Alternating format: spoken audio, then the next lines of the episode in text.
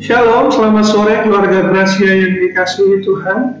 Sungguh kita mengucap syukur ada satu kesempatan bagi kita untuk kembali bersama-sama akan membaca dan merenungkan kebenaran firman Tuhan. Mari Bapak Ibu yang dikasihi Tuhan, sebelum kita membaca dan merenungkan kebenaran firman Tuhan, kita berdoa terlebih dahulu. Ya Bapak, kami sungguh mengucap syukur untuk kesempatan bagi kami pada saat ini untuk mendengarkan Engkau berbicara kepada setiap kami. Kami berdoa, Engkau tuntun, Engkau pimpin hati pikiran kami, sehingga kami boleh memahami dan boleh menjadi pelaku-pelaku dari kebenaran firman-Mu. Kami sungguh percaya ya Tuhan, bahwa firman-Mu adalah firman yang hidup, firman yang mengubahkan kami, firman yang menegur, firman yang mengingatkan, firman yang menguatkan dan menopang kami. Untuk itu pimpinlah hati kami ya Tuhan, supaya kami boleh bersungguh-sungguh mendengarkan apa yang menjadi isi hatimu. Berdoa juga Tuhan buat hambamu yang akan menyampaikan yang penuh dengan kelemahan keterbatasan ini, kiranya engkau mampukan, engkau layakkan sehingga dapat menyampaikan isi hatimu dengan baik. Ini doa kami ya Tuhan, hanya di dalam nama Yesus Kristus Putramu, kami berdoa dan mengucap syukur. Amin. Bapak Ibu yang dikasihi Tuhan, tema kita pada kesempatan eh, sore hari ini terambil dari Lukas 12 ayat 13 sampai 21 dan kemudian nanti juga kita akan membaca ayatnya yang ke-33 dan 34. Demikian firman Tuhan Doa ini memberikan judul orang kaya yang bodoh.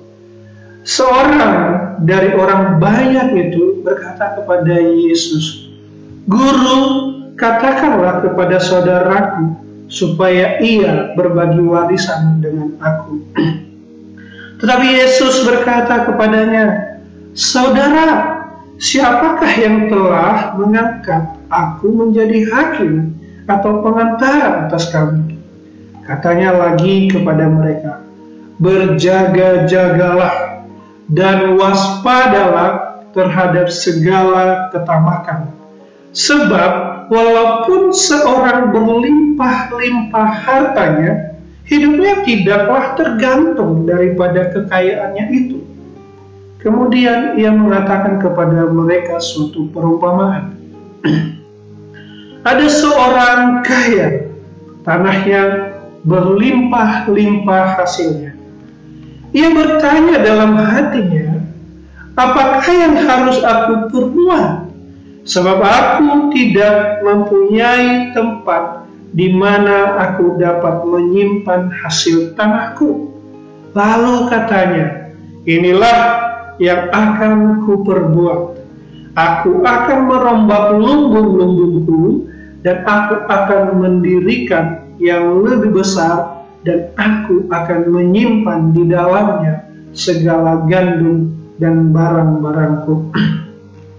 Sesudah itu, aku akan berkata kepada jiwaku, jiwaku ada padamu banyak barang tertimbun untuk bertahun-tahun lamanya.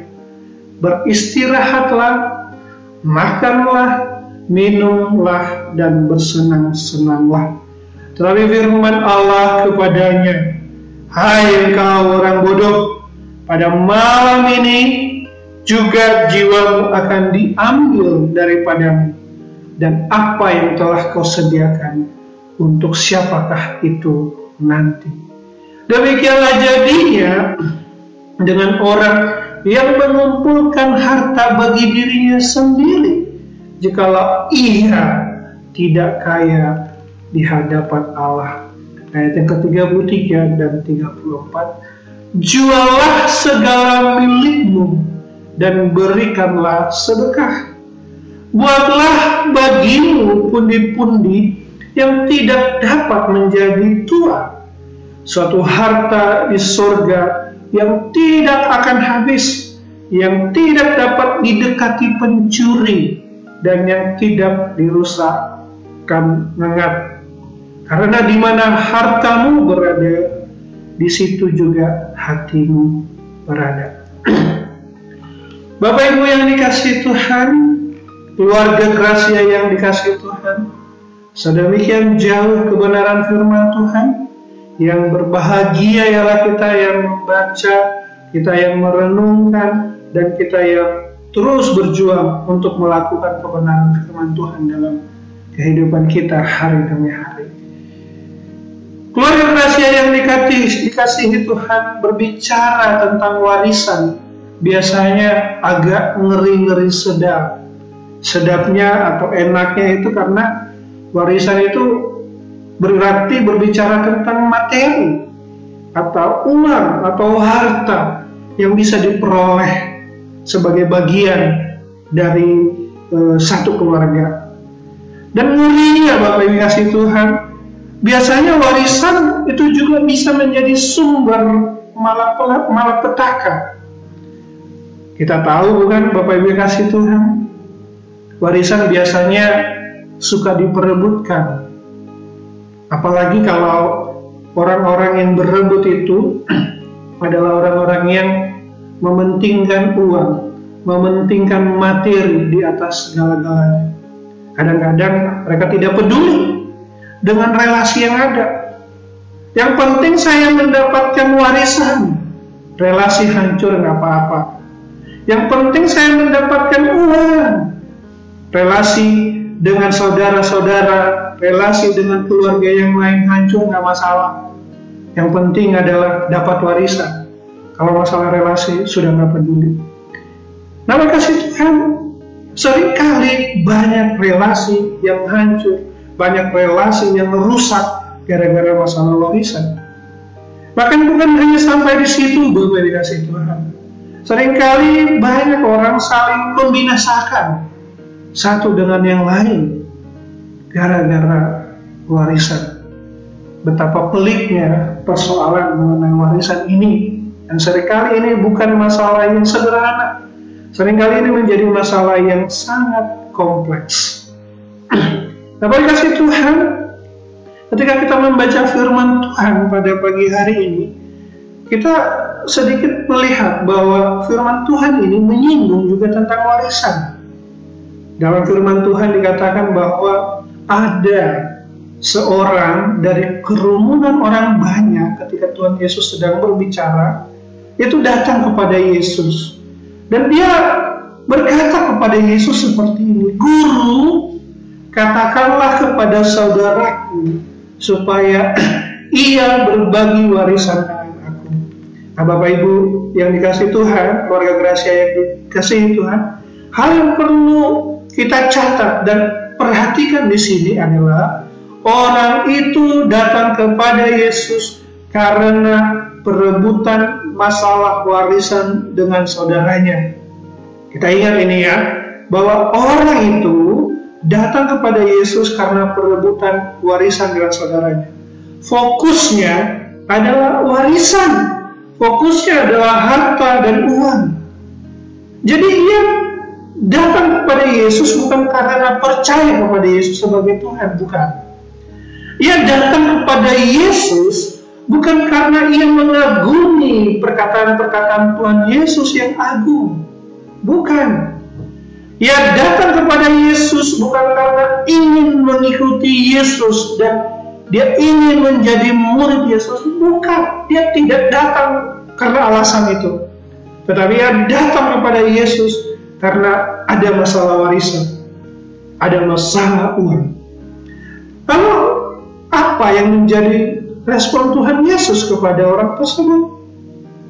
Tuhan Yesus berkata kepada orang tersebut, Saudara, siapakah yang telah mengangkat aku menjadi hakim atau pengantara atas kamu? Dari perkataan Tuhan Yesus ini, ini menunjukkan tampaknya Tuhan Yesus tidak terlalu peduli dengan urusan harta gono gini atau orang warisan tersebut. Apakah Tuhan Yesus tidak bisa menyelesaikan masalah warisan tersebut? Ya, tentu saja bisa. Tetapi tujuan Tuhan Yesus datang ke dunia ini, bahkan ketika dia hadir berbicara kepada orang-orang banyak saat itu, bukanlah berbicara tentang masalah warisan. Tetapi tujuan Tuhan Yesus hadir di dunia ini bukanlah untuk menjadi hakim atas warisan, tetapi Tuhan Yesus datang dengan tujuan yang jauh lebih besar daripada itu. Tuhan Yesus datang untuk menyatakan satu warisan rohani. Mari kita perhatikan ini. Bukan warisan duniawi, tetapi Tuhan Yesus datang untuk menyatakan warisan rohani yang melebihi daripada warisan yang ada di dunia ini. Warisan atau kekayaan itulah yang sedang Tuhan Yesus nyatakan. Bahkan kalau kita membaca di ayat-ayat sebelumnya, Misalnya Tuhan Yesus berkata dalam Lukas 12 ayat 4 sampai 5. Aku berkata kepadamu, hai saudara, hai sahabat-sahabatku, janganlah kamu takut terhadap mereka yang dapat membunuh tubuh dan kemudian ia tidak dapat berbuat apa-apa lagi. Aku akan menunjukkan kepadamu siapakah yang harus kamu takuti. Takutilah dia yang telah membunuh, mempunyai kuasa untuk melemparkan orang ke dalam neraka. Sesungguhnya aku berkata kepadamu, takutilah dia.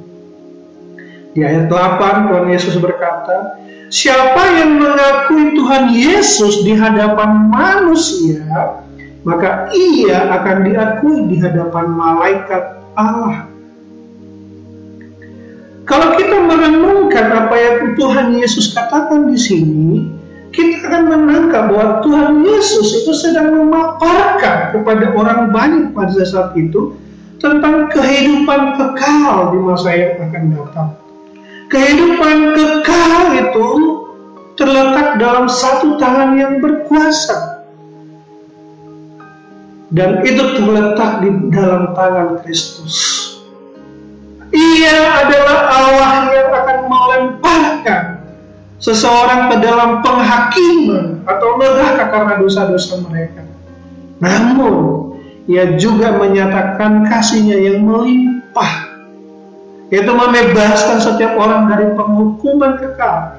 Ia akan menyelamatkan setiap orang yang percaya kepadanya dan setiap orang yang percaya itu akan menjadi warga kerajaan Allah dan akan menikmati kekayaan rohani dalam Kristus. Jadi itulah yang disampaikan oleh Tuhan Yesus. Bahwa tujuannya datang ke dunia ini adalah untuk menyelamatkan setiap orang percaya kepadanya. Tuhan Yesus sedang mempresentasikan dirinya sebagai juru selamat dunia Melalui Kristus, melalui dia, setiap orang akan menjadi anak-anak Allah yang akan memperoleh warisan kerajaan sorga. Nama kasih Tuhan, itulah yang sedang panjang lebar dijelaskan oleh Tuhan Yesus pada ayat-ayat sebelumnya. Nah sesudah menyampaikan itu, tentu saja Tuhan Yesus berharap setiap pendengarnya itu bertobat dan mengakuinya sebagai juru selamat. Itu yang Tuhan Yesus harapkan. Tetapi Bapak Ibu yang kasih Tuhan, keluarga Gracia yang dikasih Tuhan, yang datang kepadanya justru orang yang sedang memperebutkan warisan pada saat itu. Sesudah Tuhan Yesus mempresentasikan tentang karya keselamatan di dalam dia, justru kemudian orang itu datang dan orang itu berkata supaya saudaranya membagikan warisan kepadanya. Tuhan Yesus sudah menawarkan tentang kekayaan rohani yang sesungguhnya yaitu keselamatan yang kekal. Tetapi orang itu datang dan menganggap seperti perkataan Tuhan Yesus Orang itu tampak tidak peduli dengan apa yang disampaikan oleh Tuhan Yesus. Yang mengabaikan apa yang telah Tuhan Yesus sampaikan. Mengapa? Karena di dalam pikirannya, di dalam hatinya ia terlalu terfokus kepada masalahnya dan warisan yang sedang ia perebutkan. Warisan atau harta yang sedang dia perebutkan itu itu menutup matanya terhadap apa yang disampaikan oleh Tuhan Yesus. Tuhan Yesus menyampaikan kekayaan yang sesungguhnya tetapi ia tidak melihat itu. Lalu kasih Tuhan itulah yang terjadi oleh Tuhan.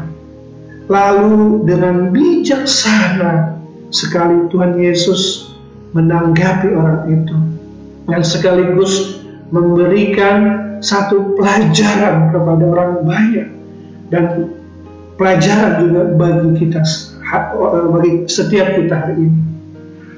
Tuhan Yesus menyampaikan perumpamaan tentang orang kaya yang bodoh. Apa yang ingin Tuhan Yesus sampaikan melalui perumpamaan itu? Yang pertama yang perlu kita ingat, kita perlu mewaspadai segala bentuk keserakahan. Tuhan Yesus menanggapi orang itu dan berkata begini, berjaga-jaga dan waspadalah terhadap segala bentuk ketamakan. Kalau kita membaca dalam Injil, kita akan menemukan beberapa kali Tuhan Yesus berkata, waspadalah, waspadalah, waspadalah terhadap ragi-ragi orang Farisi, waspadalah terhadap kemunafikan, dan ia juga memberikan penekanan penting pada bagian ini, waspadalah terhadap segala bentuk ketamakan. Artinya apa kasih Tuhan? Bahwa kita perlu mewaspadai, kita perlu memperhatikan hal ini. Hal ini sering kali menjadi luput dari perhatian orang banyak. Nah mungkin apa arti ketamakan yang perlu kita waspadai di sini?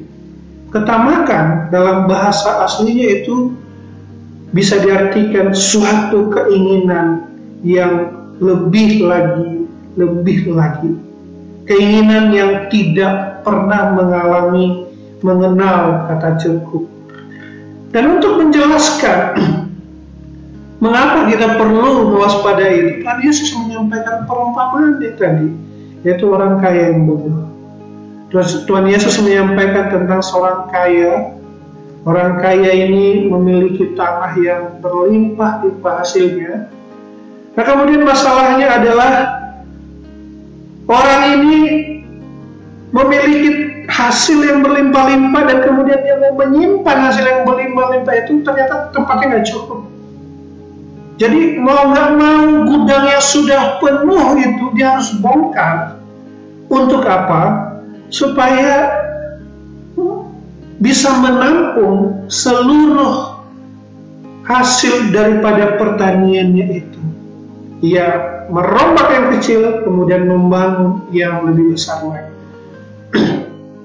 nah, keluarga rahasia yang dikasihi Tuhan, sampai pada titik ini mungkin kita merasa tidak sewaktunya ada masalah.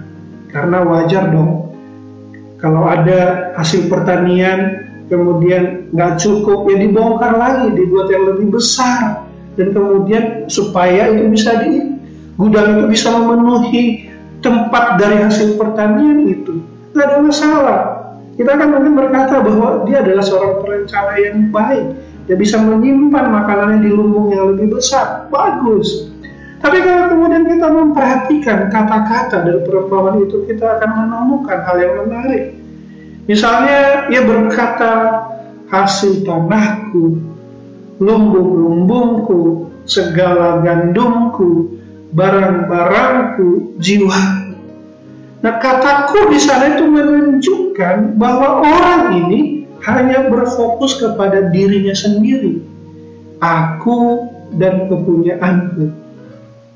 Artinya apa? dia dan apa yang dia miliki seakan-akan satu kesatuan yang tak terpisahkan. Dia adalah hartanya dan hartanya adalah dia.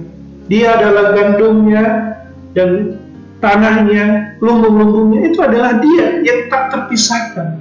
Ini menyatakan betapa dia terpaut, melekat dengan apa yang dia miliki.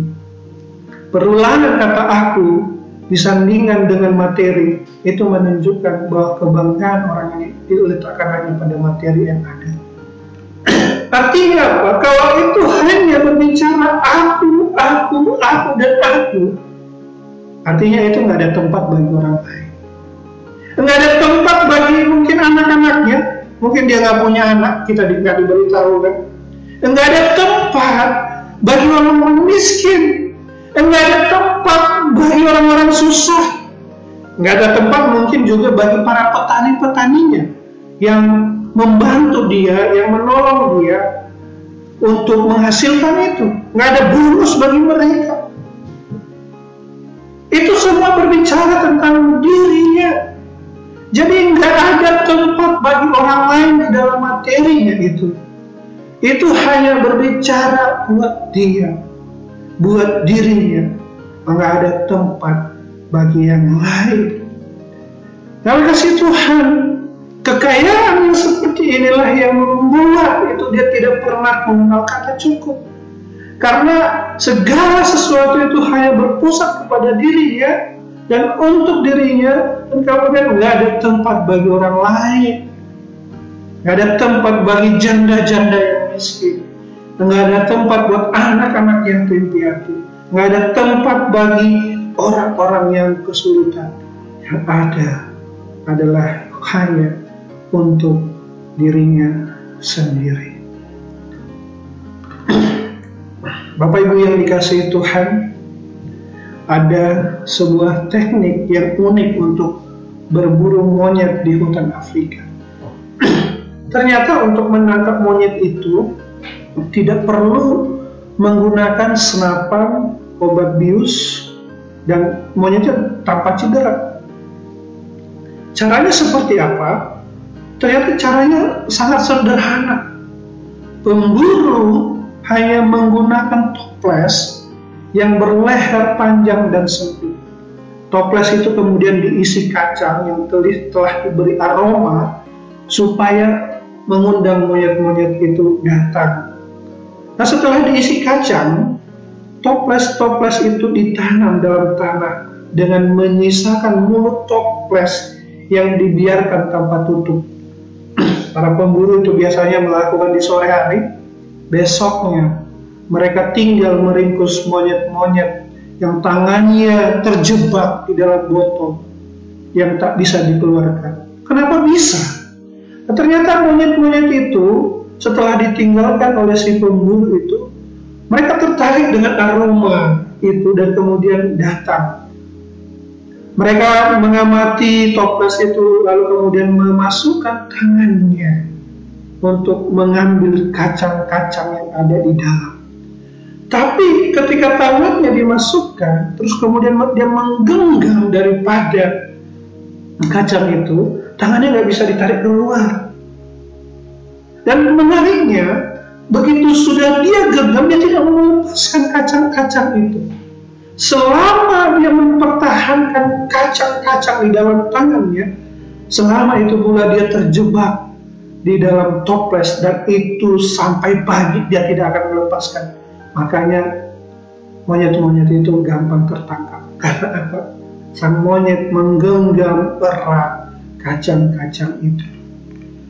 Bapak dikasih Tuhan, inilah yang menjadi salah satu sikap ketamakan yaitu terlalu menggenggam sesuatu. Sama seperti dengan orang kaya itu, dia terlalu menggenggam materinya. Yang ada hanya dirinya dan materinya. Begitu juga dengan sang monyet itu. Dia tidak mau melepaskannya sehingga dia terperangkap. Nah Bapak kasih Tuhan, ketika kita terlalu melekat terhadap materi kepemilikan kita, kita terlalu menggenggamnya, maka sesungguhnya kita tidak dapat melihat apa yang Tuhan anugerahkan bagi kita. Dalam konteks firman Tuhan ini, orang kaya yang datang kepada Yesus, dia terlalu berpikiran tentang materinya, sampai lupa kepada kekayaan yang sesungguhnya. Seorang yang hanya berpusat kepada harta, Seorang yang hanya berpusat kepada materi dan mengejar materi itu sampai dia tidak bisa melepaskannya bagi orang lain. Orang seperti itu biasanya sulit untuk mendengarkan tentang kekayaan yang sesungguhnya. Tapi yang kasih Tuhan, kita perlu waspada terhadap kepemilikan dunia ini.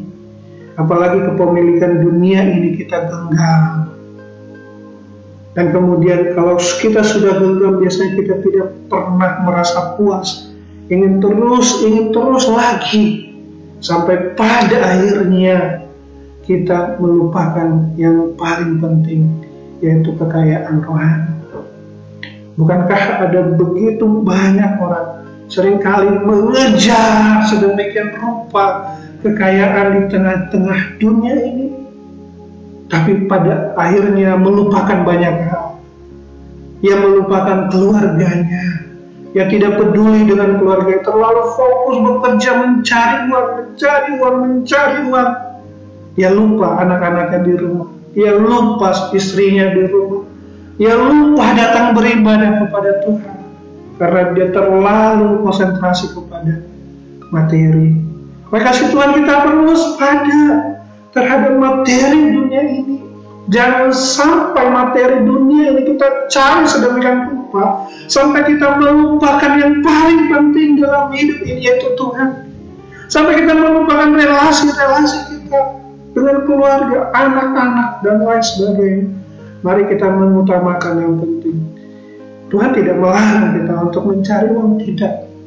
Tetapi jikalau itu sudah menggeser Tuhan, dari hidup kita, kita perlu waspada. Kemudian yang kedua, kasih Tuhan, kekayaan yang sesungguhnya bukanlah materi atau uang, tetapi kaya di hadapan Tuhan. Yesus berkata, sebab walaupun berlimpah-limpah hartanya, hidupnya tidak berasal dari hartanya itu. Pada bagian ini jelas Tuhan Yesus mengatakan bahwa seorang yang berlimpah-limpah hartanya tetapi hidupnya tidak berasal dari harta itu dan itu dijelaskan lebih lanjut di dalam perumpamaan yang Tuhan Yesus sampaikan. Tuhan Yesus berkata, orang kaya itu berkata begini, Sesudah itu aku akan berkata kepada jiwaku, jiwaku ada padamu banyak barang tertimbun untuk bertahun-tahun lamanya. Beristirahatlah, makanlah, minumlah dan bersenang-senanglah. Apa yang kita bisa tangkap dari pernyataan orang ini? Orang ini berpikir bahwa hidupnya sudah terjamin karena ia punya banyak hal ya dia bisa makan, dia bisa istirahat, dia bisa bersenang-senang. Dia merasa terjamin karena ada materi yang begitu banyak di gudang tersebut. Dia bisa tinggal menikmati dan dia akan merasakan ketenangan. Jadi orang itu merasa meletakkan rasa amannya terhadap apa yang ia miliki. Yang meletakkan rasa amannya terhadap materinya. Tetapi apakah materi bisa menjamin? Apakah materi bisa menjadi tempat yang paling aman bagi jiwa kita? Mungkin dalam arti tertentu berkasih Tuhan, kita bisa meletakkan merasakan meletakkan jaminan kita ya kita tidak akan kelaparan dan lain sebagainya beberapa waktu ke depan. Mungkin dalam arti sederhana itu bisa. Tetapi satu hal yang dilupakan oleh orang ini, ia tentang melupakan Tuhan sebagai pemilik kehidupan ini. Ia lupa bahwa Allah yang punya wewenang atas kehidupan manusia. Ia lupa seberapa lama seseorang hidup dan menikmati hidupnya di dunia ini adalah atas kehendak Tuhan. Ia lupa bahwa Tuhan yang menciptakan segala sesuatu.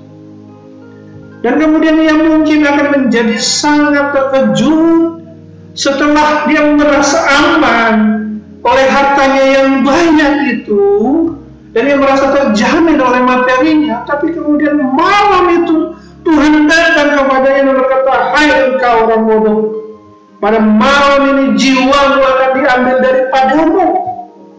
Dan apakah yang telah kau sediakan untuk siapa kait itu nanti? Pada bagian ini Tuhan Yesus sedang jelas menyatakan bahwa segala yang dikumpulkan oleh orang tersebut tidak akan memberikan jaminan kehidupan. Tidak akan memperpanjang umurnya. Jikalau pada malam itu Tuhan memanggil dia, selesailah sudah. Seberapa banyak pun kepemilikan dunia ini, dia memiliki seluruh dunia pun, itu tidak akan memberikan dia keselamatan. Ketika Tuhan panggil, ya udah selesai. Bapak yang kasih Tuhan, tes Alkitab ini memang sesungguhnya tidak mengajarkan kita bahwa kita anti materi, anti uang sehingga kita harus meninggalkan segala kepemilikan yang kita punya enggak. Materi atau uang atau finansial atau harta benda kita itu pun berkat Tuhan. Kita sebagai orang-orang percaya membutuhkan uang betul.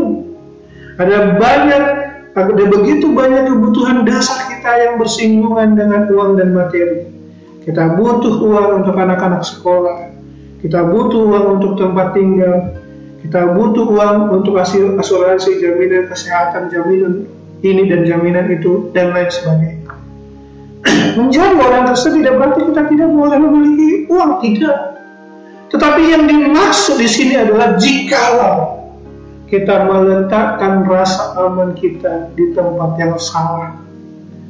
Uang memang bisa membeli banyak hal, namun materi tidak menjamin segala sesuatu.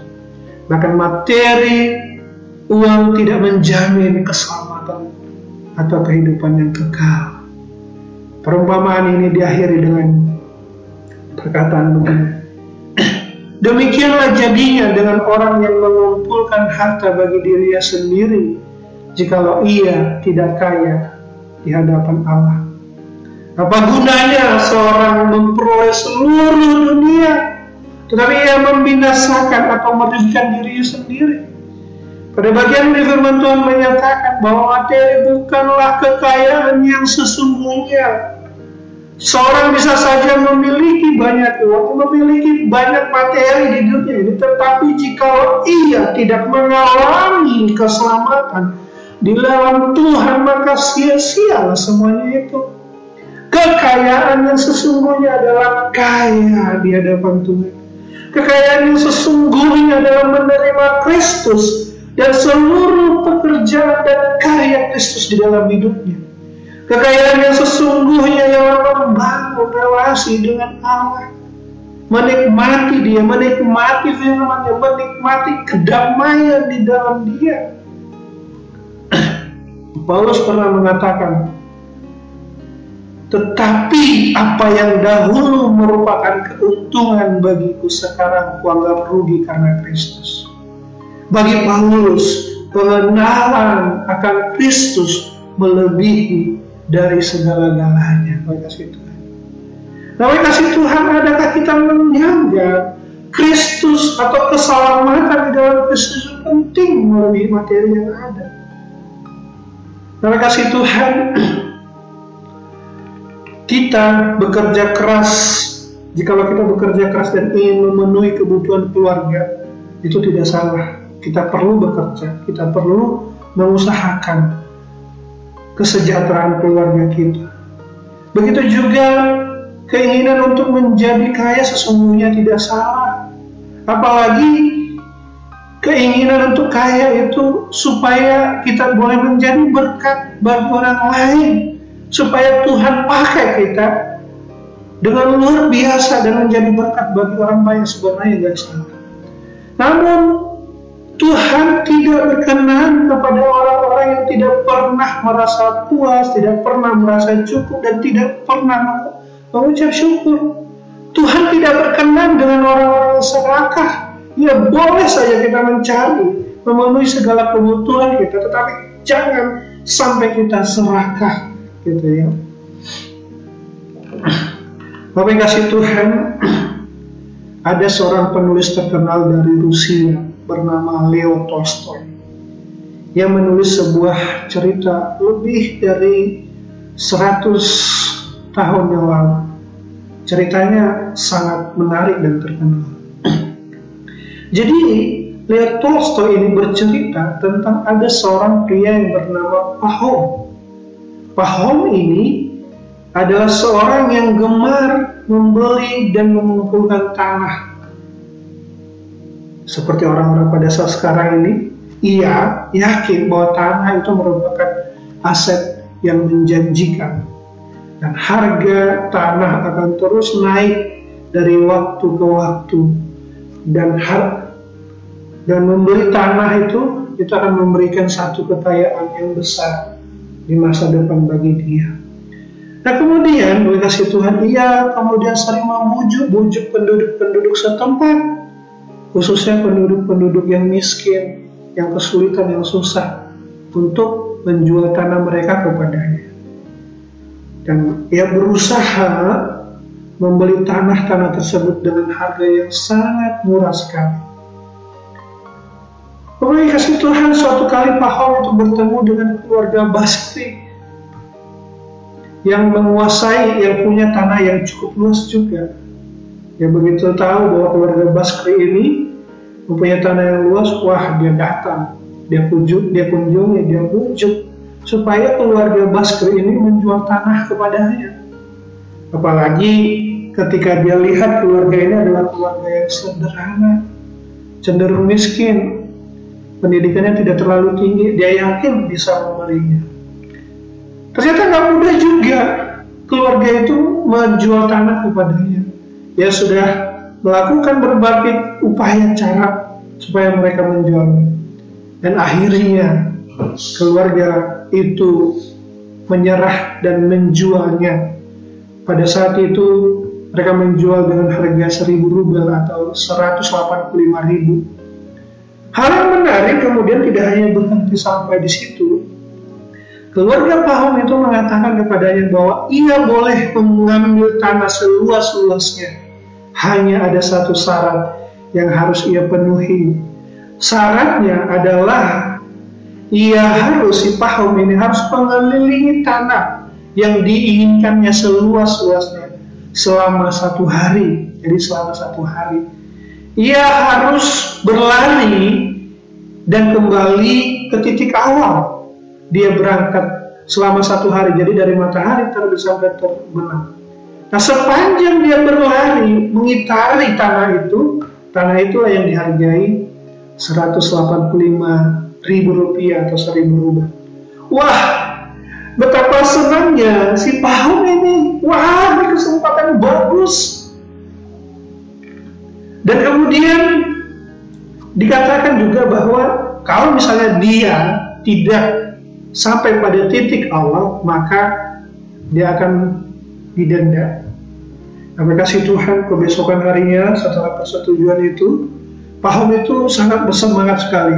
Ya pagi-pagi bahkan pada malamnya juga nggak bisa tidur. Waduh, saya harus berlari sepanjang mana gitu ya.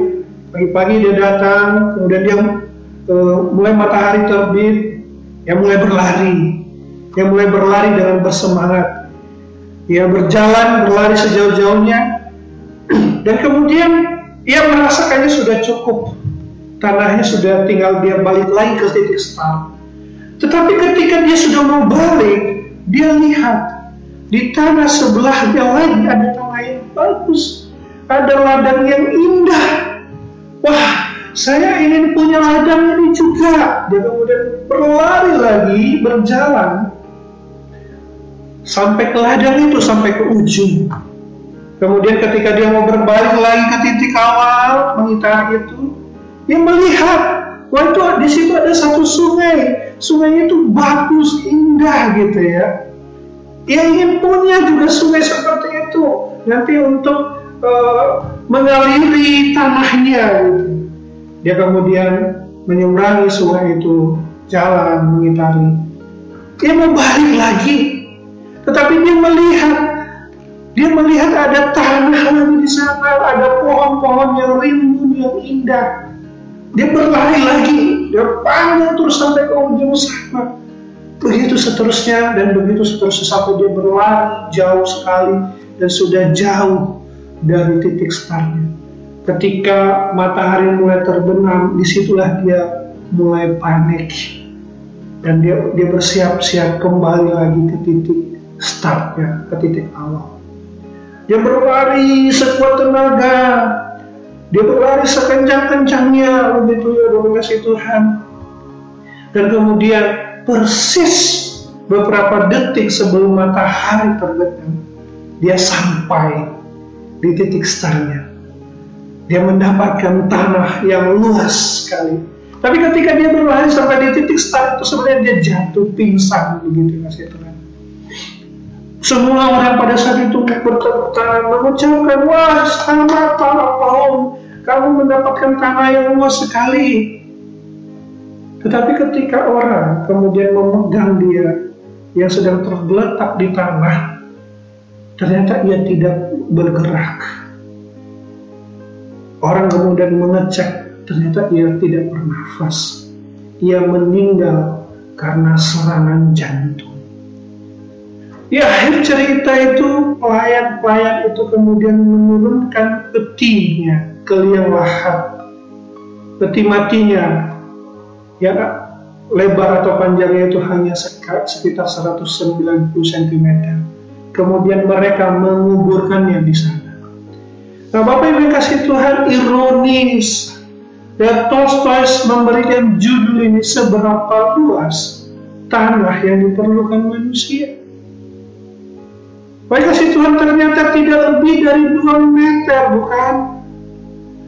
Dia orang ini, paham ini mencari tanah yang seluas luasnya, tetapi setelah dia meninggal, dia hanya butuh 2 meter. Sampai akhirnya ketika dia merasa sudah mendapatkan semuanya itu justru dia kehilangan semuanya. Nah, kasih Tuhan, Coba kita perhatikan Bapak Tuhan sebenarnya seberapa banyak sih kita butuhkan materi di dunia ini. Seringkali kita mungkin bekerja begitu keras, mencari uang sebanyak-banyaknya, sampai kita melupakan yang paling penting di dalam hidup kita, yaitu keselamatan kita. Kita mungkin mencari uang sehebat-hebatnya sampai kita melupakan yang paling penting. Kita melupakan keluarga kita. Oh Bapak kasih Tuhan. Dalam melalui firman ini mengingatkan kita kembali. Sesungguhnya kekayaan itu apa sih? Sesungguhnya kekayaan yang terbesar itu adalah mengalami keselamatan di dalam Tuhan. Jangan sampai karena keserakahan kita untuk menguasai materi yang ada di dunia ini, justru kita kehilangan yang paling penting. Kita kehilangan Tuhan, kita kehilangan juru selamat kita, kita kehilangan relasi-relasi kita dengan keluarga kita. Mari kita mengutamakan yang penting, yaitu kaya di hadapan Tuhan. Amin. Mari kita berdoa. Ya Bapak kami sungguh mengucap syukur untuk kebenaran firman-Mu. Biarlah kiranya Tuhan Engkau yang menuntun kami supaya di dalam segala sesuatu kami mementingkan Tuhan dan kekayaan rohani. Terima kasih ya Tuhan untuk firman-Mu. Dalam nama Yesus kami berdoa. Amin. Bapak Ibu yang dikasih Tuhan, keluarga Gracia yang dikasih Tuhan, sedemikian jauh kebenaran firman Tuhan, dan kami dari GKM Saran Cirebon juga mengundang bagi Bapak Ibu yang belum memiliki ibadah yang tetap untuk mengajak Bapak Ibu bersekutu beribadah bersama-sama kami di GKM Saron Jalan Kalibaru Utara nomor 28 kebaktian ibadah minggu satu dilaksanakan pada pukul 7 pagi dan kebaktian minggu umum dua dilaksanakan pukul 9.30 pagi. Demikian kasih Tuhan, mari kita bertumbuh bersama-sama di dalam dia.